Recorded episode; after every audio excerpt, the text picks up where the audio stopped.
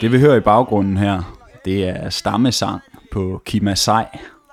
Og det er optaget i uh, Bushen i Tanzania i år 2013.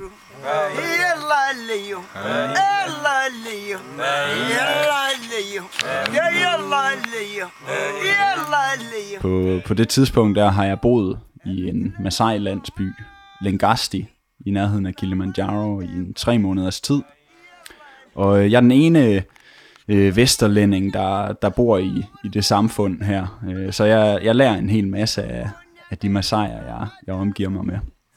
En dag, der, øh, der kommer vi så kørende forbi et sted, hvor vi ser nogle pilespidser ligge ved et bålsted, og jeg bliver fortalt, at det her det tilhører Endoroboerne, som er en anden stamme i området. Og den stamme her, det er altså jæger-samlerfolk, som stadigvæk øh, går rundt i sådan nogle små øh, hunting bands og, og lever af det, som de kan samle af bær og skyde med bue og pil. Øh, så jeg kunne rigtig godt tænke mig at møde de mennesker her, men fik at vide, at øh, de var altså ikke overhovedet interesserede i at, at møde mig. Og jeg blev ved med at spørge lidt ind til, hvordan, øh, hvordan kan vi øh, komme i kontakt med dem? Kan vi ikke gøre et eller andet? Og så, så fik de en idé, at øh, vi kunne jo prøve at tage dig ud og holde det, der hedder en abu, obulo, hvor en ceremoni, hvor, hvor mænd de tager ud i bushen og slagter et dyr og ikke tager hjem igen, før hele dyret er, er spist. Øh, og, og på den måde, der vil vi måske kunne tiltrække dem til os, fordi det er den måde, de, de er vant til. Hvis de nedlægger et dyr, de kan ikke konservere kødet, så, øh, så kommer, så samles alle de her hunting bands bare og, og, og, og til et ædegilde faktisk. Så det, øh, det gjorde vi. Vi øh, kørte ud i det her øh, bushområde, og vi slagtede en ko, og øh, lavede en lejr, trak nogle tjørnebuske tæt rundt omkring os, øh, fordi at der var vilde dyr i området, så det var sådan en lille fæstning der. Og øh, over fire dage, der spiste vi den her ko, som vi havde slagtet. Og øh, den første dag, der, øh, mens vi sad og var ved at partere konen her, så øh, sagde min, min Masai-kammerat øh, Kanunga, han prikkede til mig og gjorde tegn til, at han havde fået øje på nogen, der stod og lurede inde i, imellem træerne. Så øh, jeg gik med ham, mig og min, min tolk Nick, vi gik, øh, vi gik med ham ind øh, imellem træerne, og der, øh, der stod der et, øh, et par og kiggede for skræmt op på os med, med bue og pil i hænderne. En, en gammel mand og en ung mand. Og øh, det var altså de her Indoroboer. Vores, vores plan havde lykkedes. Vi havde lukket dem til os. Og jeg kunne selvfølgelig ikke forstå, hvad de sagde, men øh, Kanunga han øh, tog kontakt til dem, og, og han så meget vred ud, den gamle mand. Øh, og jeg fik at vide, at øh, det var fordi, at han var sulten. Han havde ikke spist i tre dage. Og øh, så kunne vi jo så invitere ham til at deltage i den her Obulo. Så, øh, så de joinede øh, festen, og, øh, og øh, ja, tog del i slagtningen af dyret og, og ædegildet. Og over de næste par dage, der, der kom der flere af de her hunting bands til. Og øh, lydklippet, det er fra om aftenen, hvor vi sidder om, om bålet i vores lejr og, og bryder ud i, i sang. Og sangen, vi hører, øh, den er som sagt på Kimasai, og den, den handler om en, en konflikt imellem to generationer i, øh, i den øh, Masai-stamme her. Øh, det er meget, i Masai-kulturen er det meget sådan opdelt i, i aldersgrupper. Øh, flere gange igennem livet, så stiger man ligesom i level, kan man sige, og får nogle nye øh, beføjelser og nye øh, ting, man, man skal og må gøre. Og, og i sangen her, der er det en af de ældre øh, grupper, der, der håner øh, de unge moraner, øh, og siger, at ah, ja, de er, de er øh, feje og udulige kriger, og det eneste, de kan finde ud af, det er at stjæle øh, konerne fra deres øh, ældre. De kan ikke øh, slås, hvis det blev nødvendigt, og de kan ikke svømme og sådan nogle ting. Så det er sådan lidt en, en smedesang.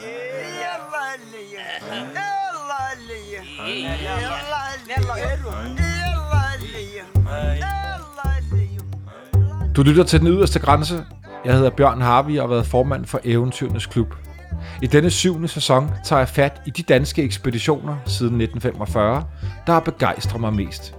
Ekspeditioner og eventyr, der på hver deres måde har formået at række ud over dem selv, inspireret mig og gjort mig klogere på verden. I dag skal vi ud på en fire og en halv år lang rejse til fods, eller sagt med dagens hovedperson, Charlie Uldal Christensens egne ord, ud på en filantropisk pilgrimsfærd. En utrolig vandring på indtil videre 12.000 km gennem syv europæiske og 13 afrikanske lande, fra Esbjerg i Danmark til Lagos i Nigeria. Formålet med ekspeditionen, der ikke er slut endnu, er at skabe opmærksomhed på den globale vandkrise og rejse penge til vandforsyninger til værdigt trængende samfund i de afrikanske lande, som Charlie kommer igennem. Velkommen, Charlie. Tak skal du have. Du er bæredygtig iværksætter, forhåndværende soldat og sømand. Og Charlie, så var det jo sådan, at TV2 fulgte din afsked med familien på din 27 års fødselsdag. Det var den 18. maj 2015. Og øh, jeg har med din egen hjælp fundet et, et lydklip, øh, blandt andet på dine øh, forældre, hvor de fortæller lidt om, hvad det er for en hvad det er for nogle tanker, de har gjort som din lange rejse. Prøv at lytte med en gang. Projekt er stort. Det er ikke lige fra jysk. Så eneste inden, så synes jeg, det måske det er en lidt gal idé, men, øh, men altså, sådan er Charlie. Jeg vil ikke stå i vejen for ham, det vil jeg bare ikke. Jeg, øh, jeg har prøvet det, der er værre, kan man sige. Øh, han, han tager ikke i krig, han går med fred, og det er, øh, det, er det, der betyder noget. Ha' det godt. Vi ses om et par år. Fortæl, hvad du tænkte, da du stod der på bytorvet i Esbjerg den dag i maj.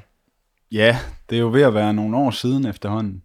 Men jeg kan egentlig huske det ret klart, fordi at, øh, jeg havde jo jeg havde gået og planlagt den her tur over det sidste år. Havde været på nogle forberedelsesture og havde ligesom øh, øh, haft en idé om, at øh, når, jeg, når jeg først øh, nåede dagen, hvor jeg skulle afsted, så ville jeg have alt muligt på plads med, med et øh, kamerahold og nogle sponsorer og skulle lave en, øh, en, en kulturel programserie og alle, alle mulige ting. Og det havde jeg virkelig arbejdet rigtig hårdt administrativt for at blive klar til det. Øh, og jeg var, var rimelig stresset over de der praktiske ting. Altså det var, det var, en, det var en lang tur, jeg skulle forberede, og det var ikke noget, jeg jeg ligesom havde prøvet før, eller kendt nogen, der havde prøvet før, så der var mange sådan ting, der skulle være på plads, så man er aldrig helt 100% klar. Øh, men jeg havde ligesom sat en deadline, og var egentlig ikke klar endnu, men havde så valgt at, at sige, at okay, vi springer ud i det, og så må vi, så må vi bare blive klar hen ad vejen. Øh, så da jeg, da jeg nåede dagen, øh, der var det faktisk en, en lettelse endelig bare at, at være i gang, fordi at nu var der, åh, nu var der ikke så meget mere, jeg kunne gøre. Øh, nu var jeg begyndt at gå, og jeg kan ikke øh, gå og og arbejde på min computer og sådan noget, imens jeg vandrer. Øh, så det var, det var ah, virkelig en, en lettelse øh, egentlig bare at, at være ude i det. Nu er det eneste, der var forventet af mig, det var, at jeg skulle sætte det ene ben foran det andet. Hvad tænkte dine forældre, Charlie? Jamen, jeg tror faktisk, øh, min mor, hun var sådan temmelig afklaret omkring det. Øh, som man hørte i lydklippet, så, øh, så, øh, så, så siger hun, at han tager ikke i krig. Øh, han går med fred. Øh, og det, med, den, med det der følger den historie, at jeg har tidligere været i, i Afghanistan, der var, der var 20 år, det var, det var ret hårdt for min mor. Øh, så, så alt, hvad jeg ligesom har budt hende efter det, det har, det har, hun egentlig, øh, det har hun egentlig godkendt, kan man sige, så længe jeg ikke tager i krig igen. Øh, min far, han var sådan lidt øh, mere skeptisk omkring det. Han, jeg tror nok, han, han hellere havde set, at jeg måske havde taget en universitetsuddannelse eller sådan noget. Han kunne ikke rigtig forstå, hvad jeg skulle derned og, til Afrika og, og vandre rundt for. Men, øh, men det har han også øh, øh, fået, fået, fået større indblik i øh, øh, efterfølgende, og i dag, der tror jeg sagtens, han kan forstå det. Ja, og det vender vi sikkert tilbage til, for ja, så vidt jeg husker, så tager han også ned og besøger dig og går med dig på et tidspunkt. Ja, ja, rigtigt. Øhm, Charlie, vi starter med den her fantastiske maleriske scene i Tanzania, som ligger to, to år før, at du begiver dig afsted til fods. Fortæl, hvad du egentlig lavede i, i Tanzania i, i 13. Jamen, øhm, inden jeg kom til Tanzania, havde jeg som sagt været både soldat og sømand, og, og havde på den måde faktisk fået fuldført de drømme, jeg sådan havde haft for, for mit, mit arbejdsliv. Altså det var, det var de ting, jeg vidste, jeg godt kunne tænke mig at prøve, og, og havde en forestilling om, jeg gerne ville, ville leve af. Nu havde jeg prøvet begge dele, og arbejdet som sømand, og, og synes også øh, til dels, at det øh, opfyldte min, min sådan personlige behov for at komme ud og se verden, og, øh, og så videre. Men, øh, men jeg manglede på en eller anden måde en, et større formål med det hele. Jeg, jeg følte lidt, at, at jeg kun levede for min egen fornøjelses skyld, og blev, blev mere bevidst om, om de forskellige øh, globale problematikker, der er, og, og tænkte, at altså, i min tid, der, øh, der kunne jeg godt tænke mig at være med til at prøve at løse nogle af de problemer, i stedet for bare at, at være en del af problemet. Øh, men hvordan jeg lige skulle gøre, det vidste jeg ikke. Jeg var ikke lægeligt uddannet eller sådan noget, så hvad er det, man lige konkret kan hjælpe folk med? Øh, jeg valgte så at, at tage øh, til Tanzania øh, frivilligt for at starte et børnehjem i den her Masai-landsby. Øh, jeg havde en, et, et tætstående familiemedlem, der har været sygeplejerske i Tanzania som ung, så, så jeg har hørt en masse hi, historier fra hendes øh, oplevelser der, og derfor så var Tanzania ligesom, det var det rigtige Afrika for mig, ikke? Så, så, så det var der, jeg tog til, og hun havde så en god kontakt til en dansk konsul, øh, Gert, øh, som, øh, som kendte alt muligt til forskellige projekter, og han huggede mig op med, med den her Masai-landsby, der lå øh, ret fjernt ude i bushen, øh, hvor, øh, hvor der var blevet bygget et børnehjem, men øh, hende, der havde været tovholder for det, hun var blevet forvist fra landsbyen, så der var ikke nogen, der var, Okay. der var ikke nogen, der, der ligesom stod for at skulle, skulle manage det sted her. Øh, og det, det lød sgu ret interessant, synes jeg. Så jeg tog til Tanzania og øh, blev kørt ud i landsbyen, og, og var der det næste år for at starte det her børnehjem for, for 10 Masai-børn. Og i den tid, jeg var der, øh, der fik jeg selvfølgelig øjnene op for nogle af deres øh, forskellige problematikker, og øh, en af, øh, af de ting, der var mest presserende, det var altså, at der var ikke øh, rent vand i landsbyen. Man skulle faktisk 19 km væk for at komme til nærmeste rene vandkilde. Ja, prøv at fortælle om det, Charlie. Hvad, altså, er det en, en, de har haft en kilde i byen, der bliver ødelagt eller forurenet, eller hvordan? øh, De må jo vel have haft noget vand i landsbyen, da de... Ja, man har, de øh, sig? man har haft øh, bygget et, et vandforsyningssystem øh, 10 år tidligere. Men det her system, det var gået i stykker, og de havde prøvet at reparere det forskellige gange, men man kunne ikke få øh, originale øh, reservedele i landet, så øh, ja, det var flere gange prøvet at reparere sådan med nogle lappeløsninger, og til sidst så stod det bare til at, at ikke at reparere længere. Så, øh, så de, de fattige, de måtte simpelthen gå efter det vand her. På børnehjemmet, der betalte vi for at få det bragt, øh, men det skulle vi selvfølgelig betale penge for, og, og det var egentlig derfor, jeg involverede mig i det til at starte med, at, at jeg ville gerne øh, være den her udgift for uden, øh, finde ud af, om vi kunne øh, fikse det her vandsystem for godt. Øh, men for de, for de øh, mere fattige mennesker i landsbyen, der var det faktisk et spørgsmål om at stå tidligt op, og så gå de her 19 kilometer, fylde nogle spande op og gå tilbage igen.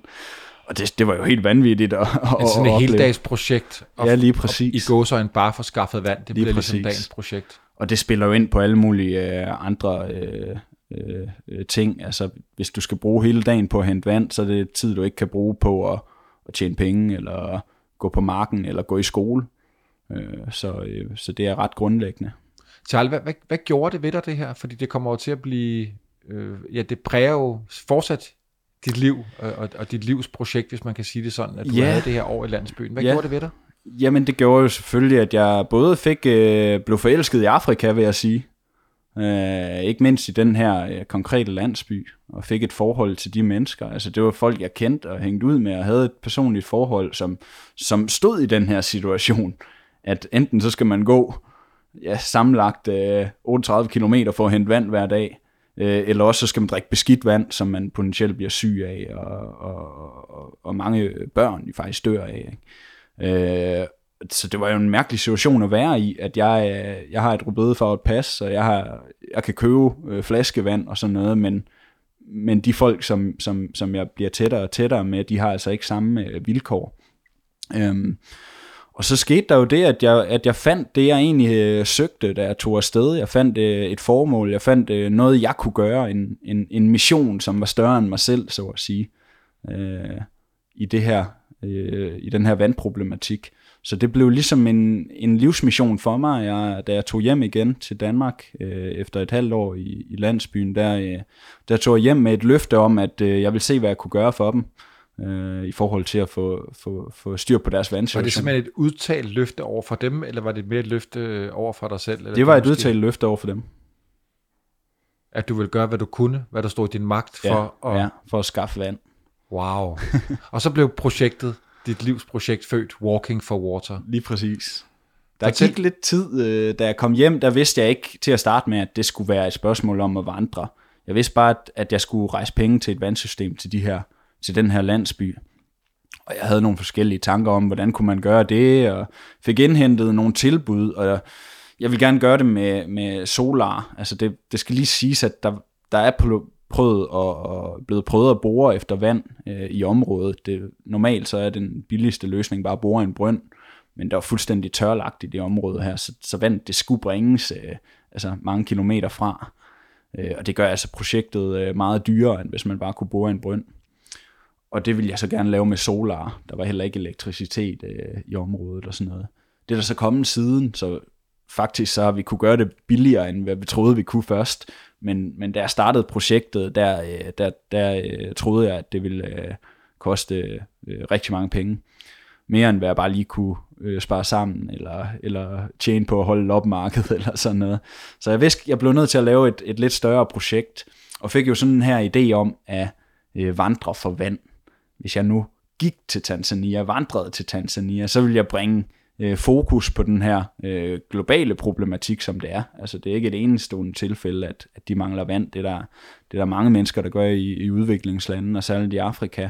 Øh, så, så, øh, så ideen er ligesom symbolikken, at jeg går den her lange tur fra Danmark til Tanzania for at, at bringe fokus på, øh, på, at der er mange, der skal gå langt efter vand. Fordi de selv går meget langt efter vand, så du skulle gøre Ja, det lige samme. præcis. Og jeg går så for, at de ikke skal gå, kan man sige. Charles, du, du siger, at du står den her øh, maj morgen eller formiddag på Bytorvet i Esbjerg og skal afsted, så er du, øh, du er næsten lettet over, at nu skal du afsted. Du har, det har været så travlt op til. Øh, har, har det lykkedes dig at få nogle af de her sponsorer og nogle af de her bidragsyder, du har håbet på? Nej, ikke rigtigt. Altså, øh, jeg havde... Øh, jeg havde været i København øh, de sidste par måneder, næsten hver weekend, for at tage til møder med produktionsselskaber, som, som egentlig var interesseret i at lave et kulturelt øh, tv-program ud af det. Men der var ikke nogen af dem, der rigtig kunne få det solgt til en tv-station, så det, det blev aldrig rigtigt til noget, men det fik jeg ikke afklaring på før øh, ja, ugen, hvor jeg skulle afsted. Ikke? Så det blev ting, der skete undervejs. Nu besluttede du dig for at gå, og så skulle du skabe øh, opmærksomhed på projektet undervejs. Det Jeg havde, vel sådan. håbet på, jeg havde håbet på, at jeg kunne få øh, et program ud af det, et tv-program ud af det, hvor ideen var, at jeg skulle møde forskellige kulturer i de lande, jeg kom igennem, og lære noget af dem, og se, om de så lærer noget om deres kultur igennem mig. Øhm, og på den måde, så vil, så vil det måske programmet være sponsoreret af et eller andet, som, s- hvor pengene kunne bruges til at lave det her vandsystem.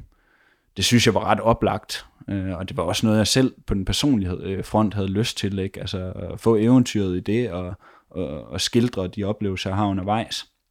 Men, øh, men det lykkedes ikke, altså det var ikke, øh, der var ikke nogen, der var interesseret i at købe programmet, jeg er heller ikke et kendt navn selvfølgelig, og, og på daværende tidspunkt, der var det hele jo bare en ukendt øh, ung fyr, som siger, jeg har tænkt mig at gå til Afrika.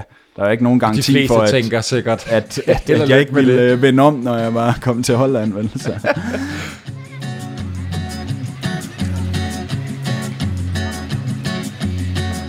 Solo voy con mi pena, sola va mi condena.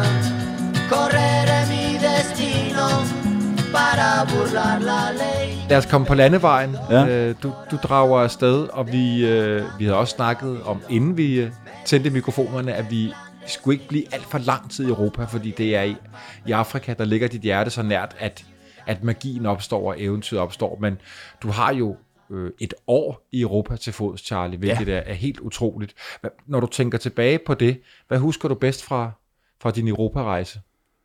Jamen, det er helt klart øh, øh, det sidste øh, længere ophold, jeg har i Europa, øh, som er i Spanien, nede, øh, nede i øh, Malaga-regionen. Øh, der er nogle forskellige øh, mennesker, der har fulgt projektet her, og en af dem har skrevet til mig, at hvis du er i, i Malaga-regionen omkring jul, så kom til Finca La Sacristia, som ligger ude i, i bjergene, og det er sådan det veganske øh, kollektiv, og øh, Øh, de kunne godt tænke sig at møde dig, og du kan bo her gratis, og så kan du komme og holde jul med os, inden du går videre og sådan noget. Og det passede meget godt med, at jeg var nede omkring juletid, øh, så jeg gik derud, øh, rigtig smukt beliggende sted ude i bjergene, og det var virkelig, virkelig sådan en lille øh, øh, paradis der. Øh, det var et, et tysk par, der ejede stedet, og, og de fulgte en sådan indisk guru, øh, og var meget sådan rigtig øh, zen, du ved. Så de holdt sådan en workshop som non-aggressive communication, og yoga og meditation, og, og så var det fuldstændig vegansk. Og på det tidspunkt, der var jeg ikke, altså, hverken vegetar eller veganer. Jeg, jeg var sådan en rigtig meat lover, kan man sige, ikke? Øh, men men jeg, jeg, jeg endte med at bo derude faktisk i fire måneder. Okay. Øhm, fordi at jeg kunne godt tænke mig at krydse Gibraltarstrædet på etårsdagen, fra jeg var begyndt at gå, som jo også er min fødselsdag. Så det var sådan, jeg kan godt lide sådan en mærkedag.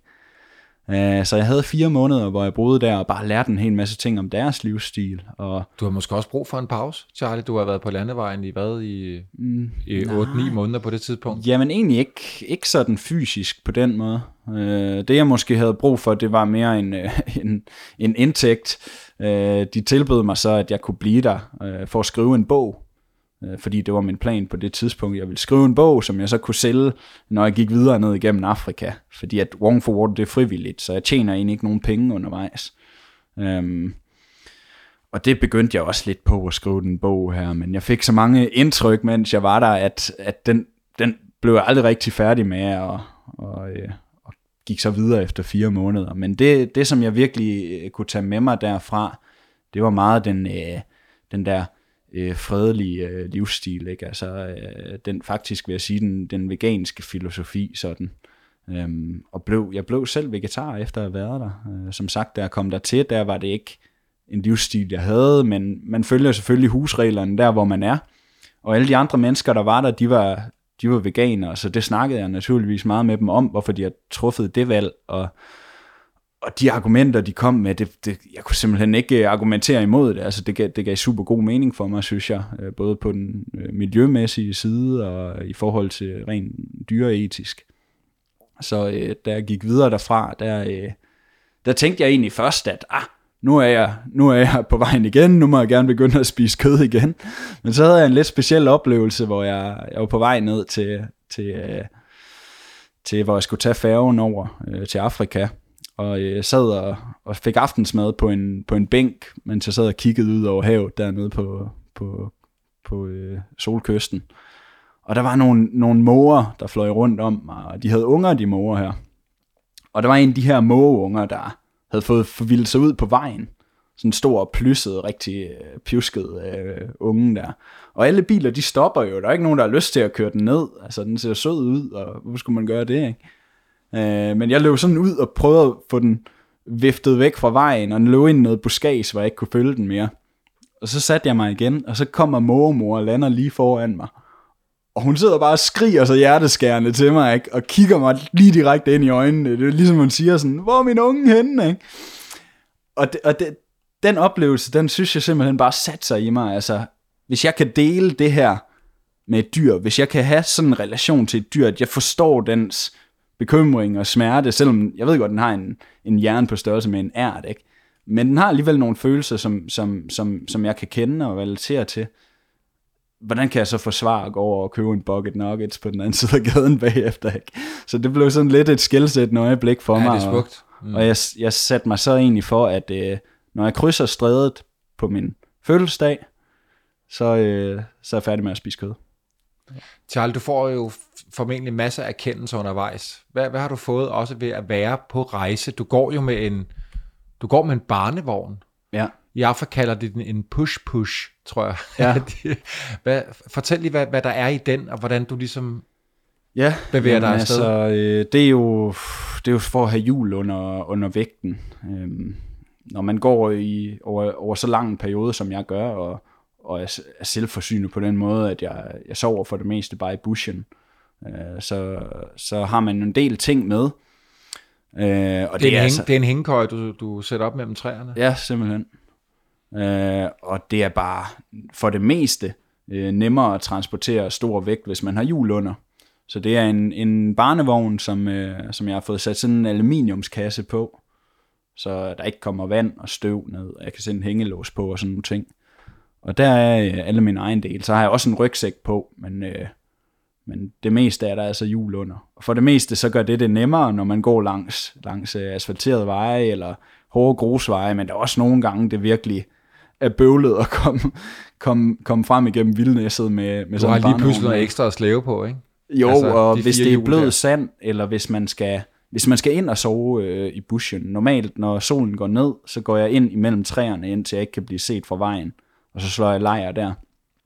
Og det kan nogle gange være bøvlet med sådan en barnevogn der. Det er klart, jeg kan heller ikke bare hoppe over en grøft, eller kravle over et hegn, eller sådan noget, som jeg ville kunne, hvis jeg kun havde en rygsæk. Men, øh, men for det meste, der er jeg altså glad for at have de der hjul under.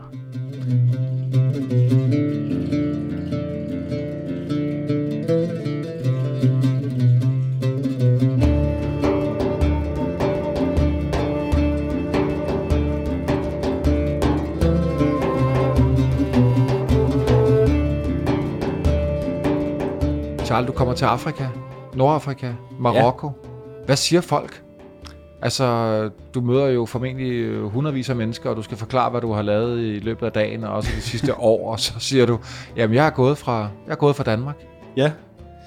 Ja, altså mange folk, de, øh, de forstår det jo ikke, når man lige siger det. Øh, de, typisk så har folk ikke rigtig en, et forhold til, hvad er Danmark overhovedet, og hvor lang afstand er det, og nogle gange kan man godt sige til nogen, at jeg er faktisk gået hertil fra Danmark. Nå, nå, siger de så. Nå, men hvor skal du hen nu? ah, men jeg skal til den næste by, som måske ligger 50 km væk. Hvad? Nej, wow! Så er det først der, det bliver sådan, øh, du ved, i deres perspektiv, at de kan forstå, øh, ja. Ja, det er meget fint. Men jeg har sådan en flyer, hvor der er et kort med ruten på, og hvor der står ligesom basic facts på, på engelsk og på fransk. Så, så den kan jeg ligesom dele ud til folk, så, øh, så bliver det mere forståeligt for dem. I, I Nordafrika, nu har jeg jo set nogle af de her videoer, du også har, jeg har fulgt lidt med, Charlie, undervejs på din lange rejse. Der synes jeg, at et meget fint, øh, et lille, lille fint video, du har lagt op, hvor du møder, øh, det er under ramadanen, ja. der øh, er en, er det en hjælpeorganisation, i hvert fald med nogle unge øh, marokkanere, som deler mad og vand ud til hjemløse og, og fattige. Og du spørger en af de her piger om, hvorfor hun hjælper. Hvad, hvad det gør ved hende. Fortæl, hvad hun svarer. Uha, ja, men øh, nu, nu har jeg den ikke så frisk i min erindring, som du har, men, øh, men jeg tror, hun svarer noget med, at, øh, at øh, udover at det er en religiøs øh, pligt, altså i islam, der er det jo en af søjlerne, at man skal, at man skal hjælpe dem, der er svagere stillet. Øh, men udover det, så får hun selvfølgelig også noget, øh, noget personligt velvære ud, over, ud af at, at kunne gøre noget for andre. Øh, og det kan jeg jo, det kan jeg jo godt kende. Og, Ja. og, og det, Jamen, der er rigtig meget øh, af det her, af de her små hjælpeorganisationer lokalt i landene. Jeg har mødt utrolig mange mennesker, som er vildt inspirerende i Afrika, som hvis, hvis de havde de muligheder, som jeg havde, så ville de virkelig øh, kunne drive det vidt. Altså virkelig nogle ildsjæle, som gør øh, meget for deres lokalsamfund. Jeg tror, årsagen til at tage fat i den historie, der, det er ikke fordi, det, det møde med hende nødvendigvis Nej. er så kæmpe vigtigt og stort, men jeg tænker, de der, du møder de her folk, der Ja, selv hjælper, ja. og derfor må du også tænke, Charlie, selv, hvorfor gør jeg det her? Altså, du siger selv, jeg gør det for eventyret, men jeg gør det også for, Ja, for at det, det skal have et større formål. Hvor, hvorfor er det så vigtigt at hjælpe? Jamen det er, for mig der er det jo øh, kombinationen mellem det jeg siger, øh, kalder passion and compassion. Altså øh, min, min personlige øh, interesse i at tage på eventyr og møde fremmede kulturer og opleve verden på den måde her. Øh, og så ligesom den større sags tjeneste der med at, at give mere end man, man tager øh, i virkeligheden. Øh, prøve at, at at sætte sit aftryk øh, i den tid, man har her på jorden, øh, på en positiv måde.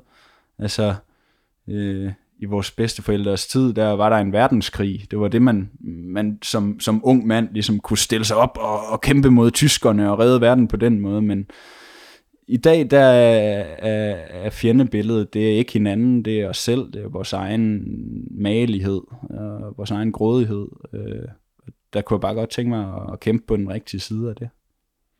Du kommer ned igennem Marokko og til et, for mange, der ikke har været der, jo et berygtet område, Vestsahara. Du skal gå gennem Sahara, Charlie. Fortæl om det.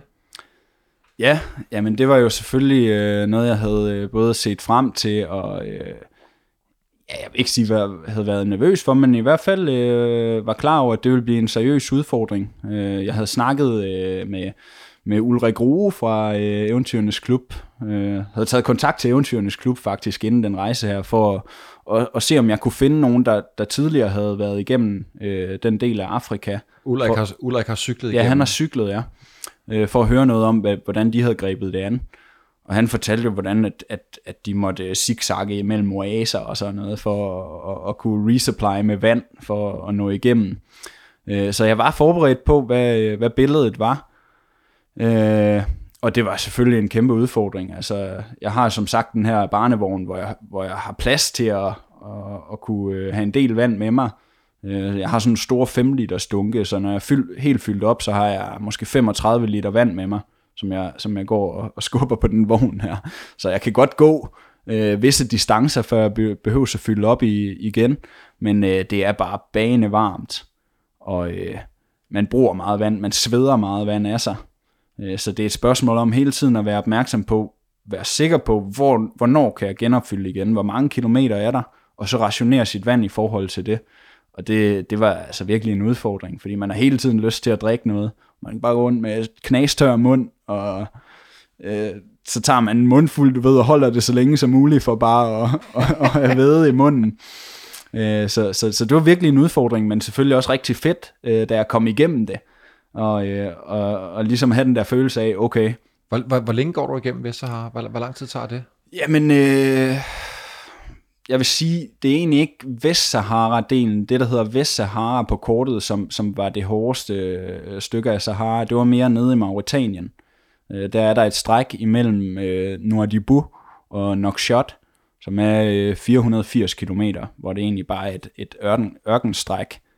Der er så undervejs nogle, øh, nogle, sådan nogle beduiner, der bor, hvor man kan komme ind og få noget kamelmælk og sådan noget. Og der er også nogle enkelte øh, sådan tankstationer, fordi der er, der er også trafik igennem. Altså, det er ikke sådan, du hele tiden kan se trafik, men hver dag, der kommer der i hvert fald lastbiler kørende. Øh, Så på den måde var det heller ikke så øde, som jeg måske havde gået og drømt om, men øh, Stopper folk og siger, skal du have et lift? Ja, det er der faktisk mange, der spørger om. Og så, så tænker de jo, at jeg er tosset, når jeg siger, at nej, det vil jeg ikke, jeg vil gerne bare gå. Ja. men, men, Stoler du ikke på os? Hvorfor vil du ikke Ej, køre de, med? de, de, jeg tror godt, de kan godt se på mig, at det er en eller anden form for, for noget, jeg har sat mig for, at jeg ved det her, ikke? Men, men øh, der er mange af de der lastbiler, som øh, stopper op og giver mig for eksempel en, en flaske iskold vand. Og nogle af dem, de ruller også bare vinduet ned, så smider de en flaske kold vand ud og kører videre, du ved. Og det er jo bare fantastisk der, når man går der og får sådan en helt isblok, ikke? De har typisk sådan nogle frysebokse op i kabinen, så får man bare sådan en isblok smidt ud, så kan man bare ligge der og putte med den, i, så længe det var. Ah, men det er jo for vildt. Og, og Charlie, tusind spørgsmål dukker op, fordi også, når vi, hvis vi lige kigger på Vestsahara, det er jo også et, et konfliktfyldt område, tænker jeg. Nu har jeg ikke selv været der, men, mm. men uh, Marokko vil ikke anerkende det, og de vil ja. ikke være en del af Marokko og sådan noget. Altså, kan du holde dig ude af de der Ja, det konflikter, jeg, tænker føl- du? Jeg føler ikke, at det er noget, jeg er troet af, fordi at det er jo ikke, jeg, jeg spiller jo ikke, jeg er jo neutral i den konflikt, kan man sige, ikke?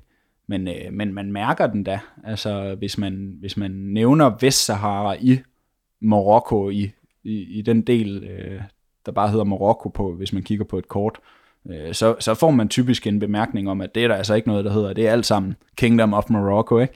Og det samme, hvis man er i Vestsahara-delen, så skal man i hvert fald ikke sige, at det her det er Marokko. Så altså, folk, de er, de er, øh, de er sådan øh, tydeligt øh, stadigvæk øh, i konflikt over det der, men, øh, men det er ikke noget, jeg følte mig troet af. Din far kommer ned og besøger dig, Ja, og går med dig.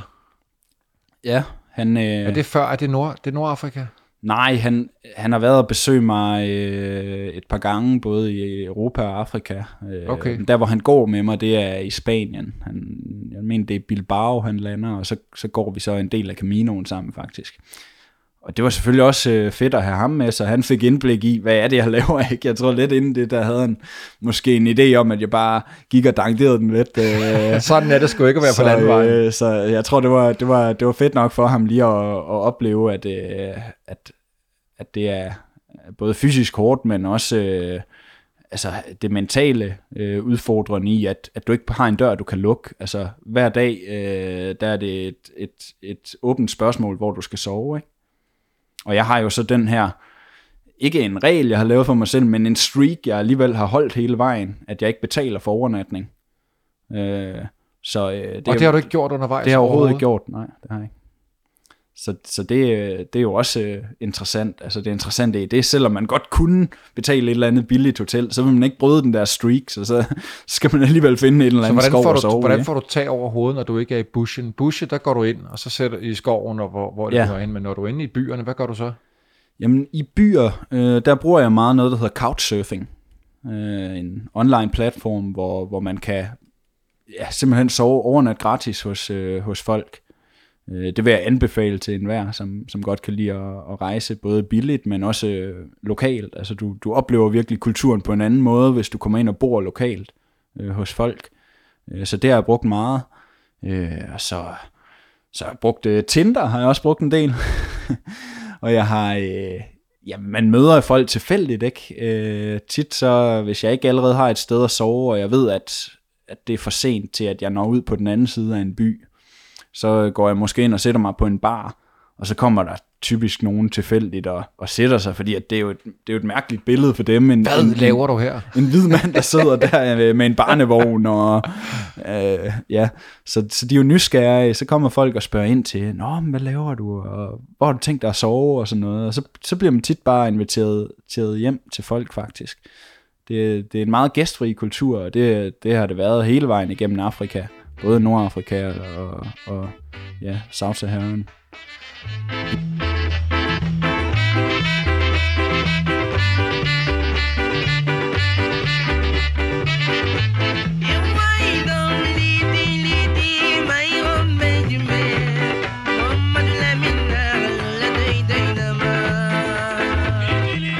Vi skal ned i, Senegal, se, ned i Senegal, fordi jeg Ja. ved, at der i hvert fald er nogle stærke historier, jeg husker fra din tur, Charlie. Du Ja. møder jo en, en wrestler, en bryder. Ja, Hedder han Amadou? ja, Amadou, ja. Fortæl mig, hvordan du møder ham. Jamen, øh, det er som sagt Senegal. Øh, det er faktisk juleaften. Jeg ankommer til den her lille landsby, og øh, på daværende tidspunkt, der forsøger jeg stadigvæk at, at prøve at pitche det her tv-program, ved at gå rundt og lave sådan nogle små øh, mini-dokumentar øh, øh, rapportager om forskellige subkulturer, jeg møder. Det har du egentlig også gjort i Europa, ikke? Ja, det har jeg er også på gjort jagt lidt. efter subkulturer. Ja, præcis. Øhm, og øh, jeg kunne så godt tænke mig at prøve at lave noget om, hvordan holder man jul i en lille øh, senegalesisk landsby. Så jeg ledte egentlig efter en kristen familie, nogen der holdt jul. Men det var overvejende muslimske, det her område, og det var allerede mørkt. Øh, Jeg gik rundt i den der landsby, og, eller by, det var sådan en mindre by. Og pludselig så kommer Amadou der, en kæmpe stor brød på sådan en lille bitte scooter. Ret sjov billede egentlig. Han kommer kørende op på siden af mig, og Hey my friend, where are you uh, going? Og sådan noget.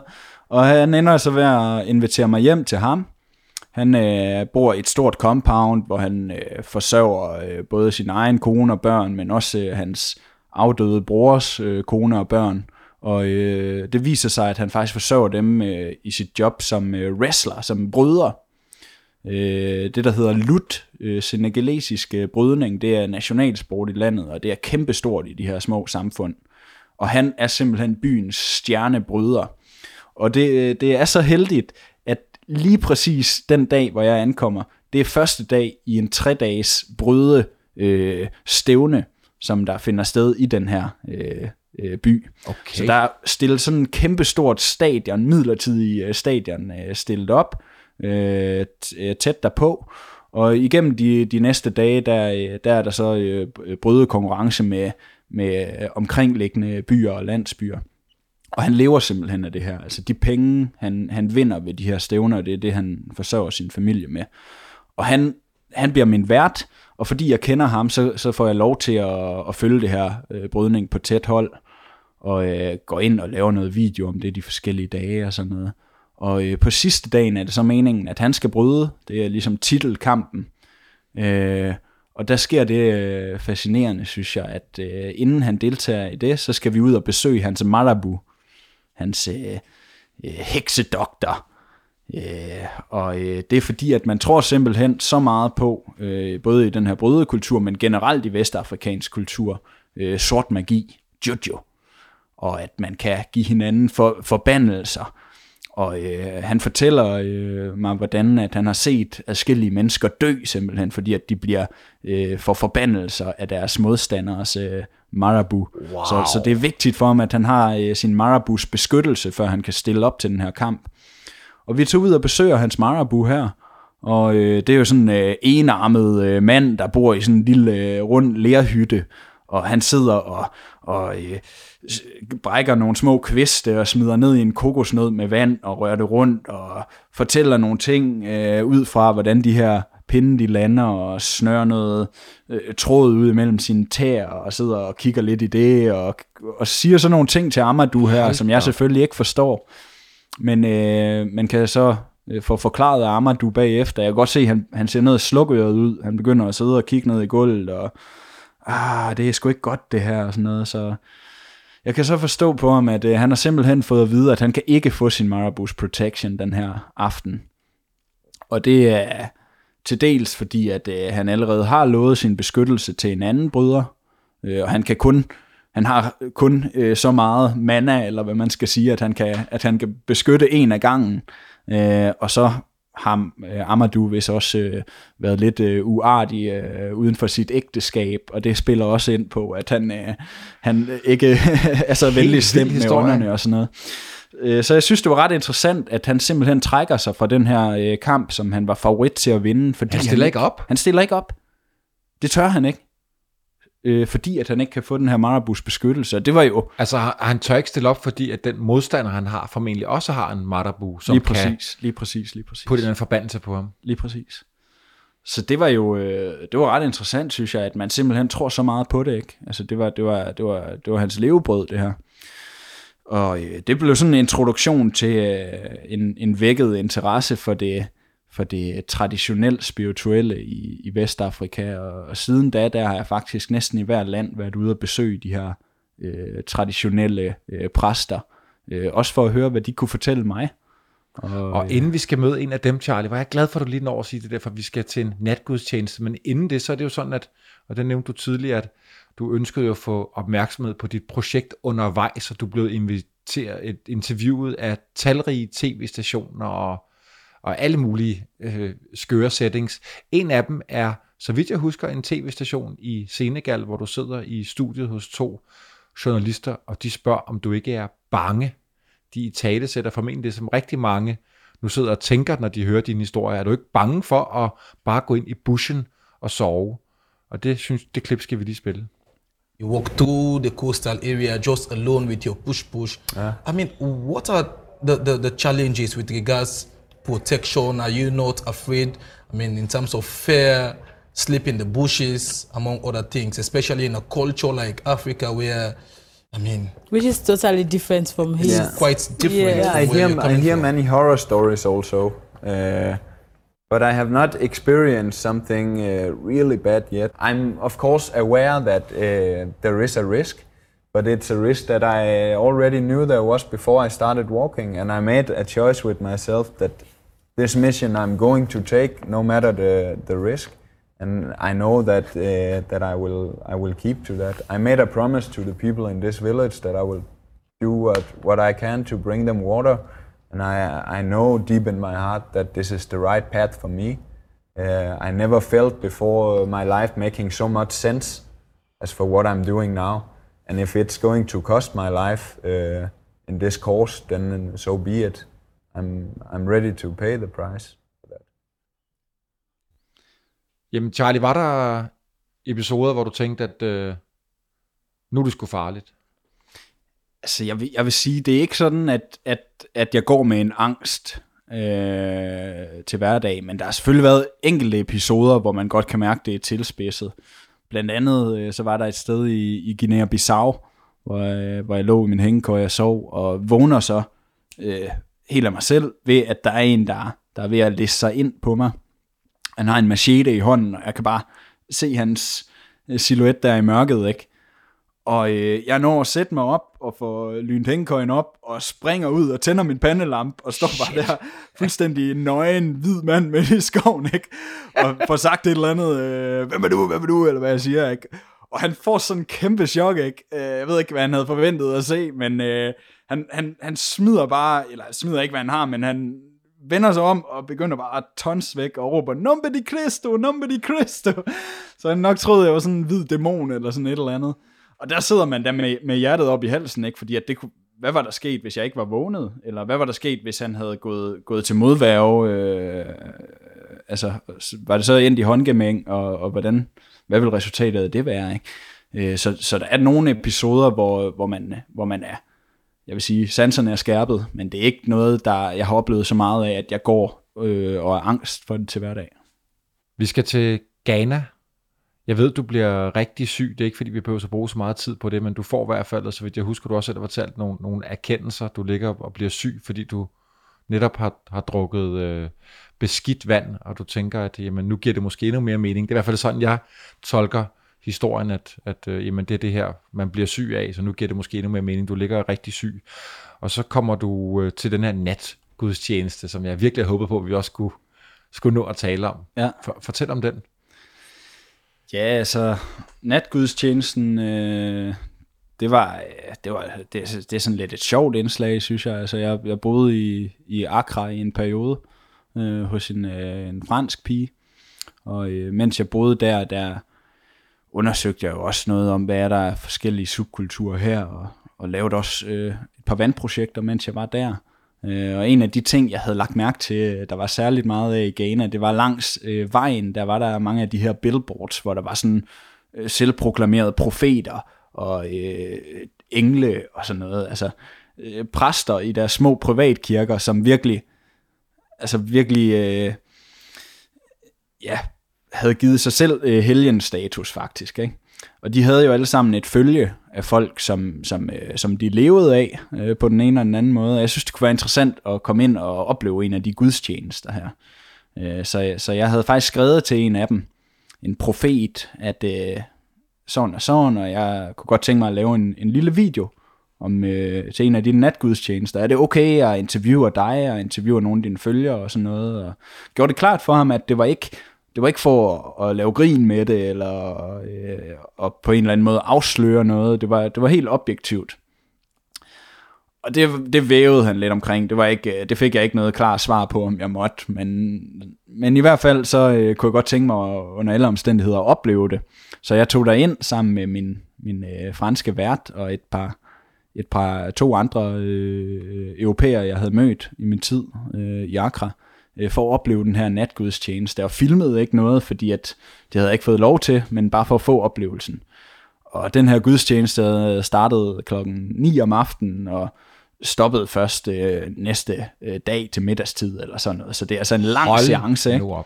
Vi kom først ved midnatstid, og på det tidspunkt, der havde vi der havde vi drukket måske en flaske rom øh, til, til, til deling, ikke? Så vi var, øh, vi var i godt humør og, og, og glædede os til at opleve det her. Det var godt i gang, da vi kom derind, og det var bare proppet. Og al, altså, vi var de eneste hvide mennesker, der var der, ellers så var det bare proppet med, med lokale øh, ganeser. Men alligevel så blev der bare ryddet en række op foran, hvor vi bare skulle sidde front row, ikke? Øh, de tre øh, eller de fire øh, hvide gæster her. Og der kørte simpelthen live-kamera på. De havde deres egen lille tv-kanal faktisk. Så der kørte sådan et kamera på imens. Og ham her profeten, han tonsede rundt på scenen og råbte og skreg, og øh, hele tiden så skulle der folk fra publikum op, og han stod og mærkede dem på panden, og øh, åh, sagde alle mulige ting. Ja, jeg kan se, øh, du er en synder, men Jesus er hos mig nu, han tilgiver dig, og brah, sagde han så, og så vælter de sådan tilbage, og bliver grebet af hans disciple der, ikke? og så ligger de og spræller lidt på gulvet og sådan noget. Jeg havde set sådan noget før i, i, i tv-indslag, øh, men jeg havde aldrig set det i virkeligheden før, så det var, det var, det var ret interessant øh, at, at opleve det. Men selvfølgelig også tankevækkende, øh, hvordan øh, at, at, at sådan nogle øh, præster der, de virkelig bare spinder guld på faktisk fattige mennesker, ikke? Ja, og man kan diskutere den rådgivning, de her folk får. Måske ikke en eller anden, der er dødelig syg, og så får de at vide, at, ja. at det måske ikke er tilfældet. Ja, præcis. Ja.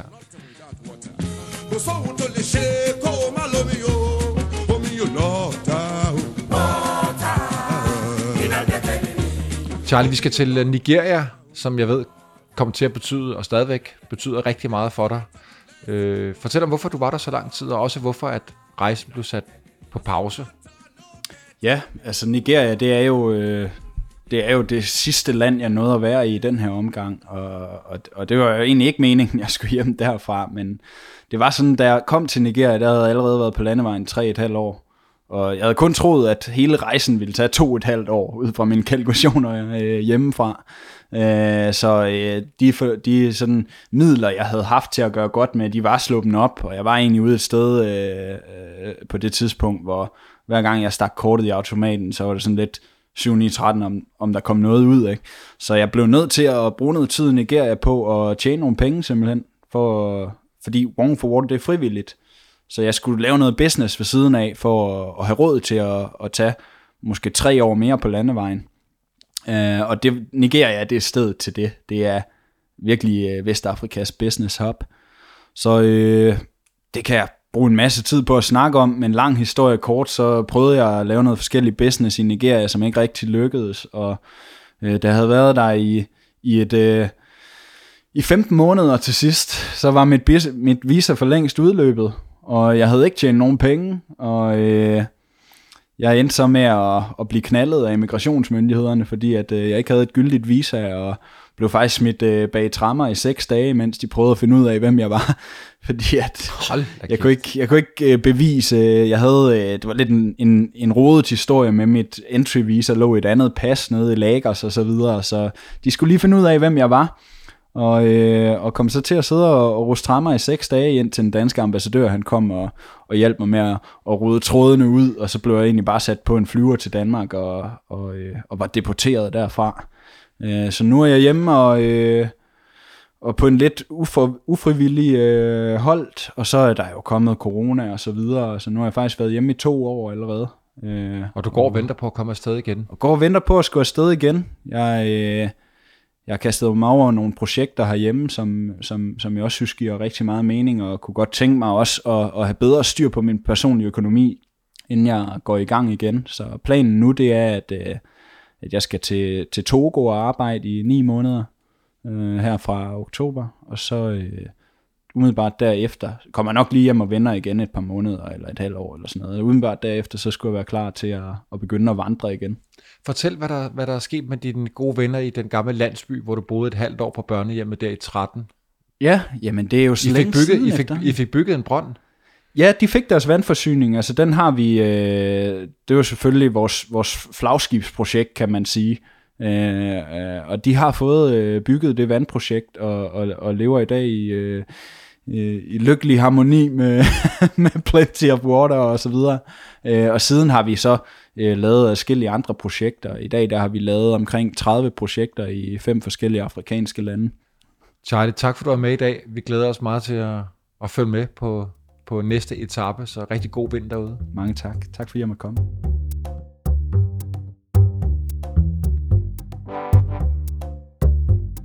Den yderste grænse er produceret af kontor Jul og Brunse for vores tid af Radio Loud, med Bjørn van Overem som sikker kaptajn bag lyden.